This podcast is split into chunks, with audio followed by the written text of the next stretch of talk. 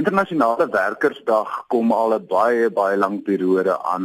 Selfs voordat dit Internasionale Werkersdag genoem was, is dit in die noordelike halfrond en veral in Europa gevier as die lentedag aan die begin van 'n nuwe seisoen. En daai tema het nogal reg deurgegaan ook na die hele gedagte van 'n werkersdag. Maar oorspronklik het die werklike werkersdag het ontstaan in in 1884 in in die VSA en en dit was 'n geleentheid gewees waar werkers geagiteer het vir 8 uur lange werkdag en vir verbeterde werksomstandighede. Volgens Jacobs is swart mense aanvanklik nie by die viering van Werkersdag in Suid-Afrika ingesluit nie. Dis die eerste keer hier in Suid-Afrika in 1895 rond het hulle dit gevier en en om en by 1910 was die aard van Werkersdag in Suid-Afrika gewees baie meer van 'n blanke of 'n wit Werkersdag gewees en in 1910 het Tom Mann 'n Britse arbeider en sosialistiese organiseerder het toe begin agiteer en sê maar in Suid-Afrika moet dit ook swart mense insluit. En dit was die eerste geleentheid waar vandaan dit dan begin het om sy aard en karakter in in Suid-Afrika te verander. Hy sê daar is mense wat onder die indruk verkeer dat Werkersdag 'n kommunistiese dag is. Dit het uitgeloop daarop dat swart arbeiders oor 'n periode van tyd daarby ingesluit is. Voor in 1914 het die Suid-Afrikaanse Arbeidersparty daarvoor begin mobiliseer. In 1913 het die mynwerkers staking gehad, in 1914 die spoorwegstaking gehad.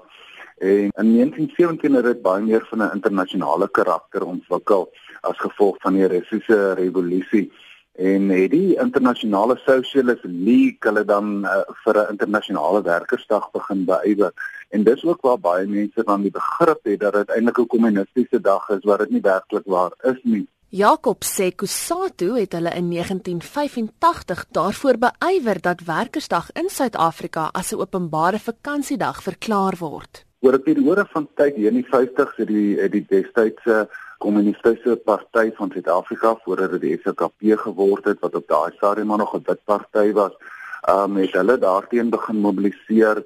Die mantel daarvoor is oorgeneem deur die destydse ANC en toe in 1985 of 1985 in Suid-Afrika het vir Alkostatu dit begin gebruik en in 1985 het hulle 'n nasionale wegblij aksie geloop om dit dan in Suid-Afrika 'n publieke vakansiedag te maak. Werkersdag is oorspronklik vir die sogenaamde werkersklas geskep. Maar wie val onder die werkersklas? Jacobs verduidelik. Selfs in Suid-Afrika word binne vakbondgeleedere word dikwels onderskei tussen sogenaamde blou kraagwerkers en sogenaamde wit boortjie werkers en met jou wit boortjie werkers dan jou hoër besoldigde mense is enigiets van 'n kantoor tipe van werk doen en blou kraag is dan die mense wat dan sogenaamd die harde hande arbeid doen. Dit is deesdae baie moeilik om daai onderskeid te tref. En in die meeste federasies van tenminste daar's 'n vermenging van dit. So die tradisionele riglyne en jou tradisionele afsnypunt tussen wie is die werkersklas het ongelooflik vervaag en dit is nou meer rondom inkomste lyne as wat dit is in die aard van die tipe werk wat gedoen word. Volgens Jacobs is Werkersdag 'n nie werksdag vir die meeste Suid-Afrikaners. Ek wil my verstout om te sê dat die meerderheid mense wat op Werkersdag 'n publieke vakansiedag geniet, geniet bloot net die feit dat dit 'n publieke vakansiedag is. Aan die ander kant is daar wel in Suid-Afrika van die federasies um, en van die enkel onafhanklike vakbonde wat byeenkomste het um, waar hulle spesifieke temas rondom die werkersklas aanspreek of dit 'n uh, werkbare loon is of 'n lewensvatbare loon is of dit werksomstandighede is waar rondom hulle mobiliseer. Ek wil my egter onverstout om te sê dat Werkersdag is 'n nie werkdag vir die meeste mense in Suid-Afrika. Dit was Chris Jacobs, 'n arbeidsontleder en die direkteur van OUM. Ek is Dianke Nel vir SAK nuus.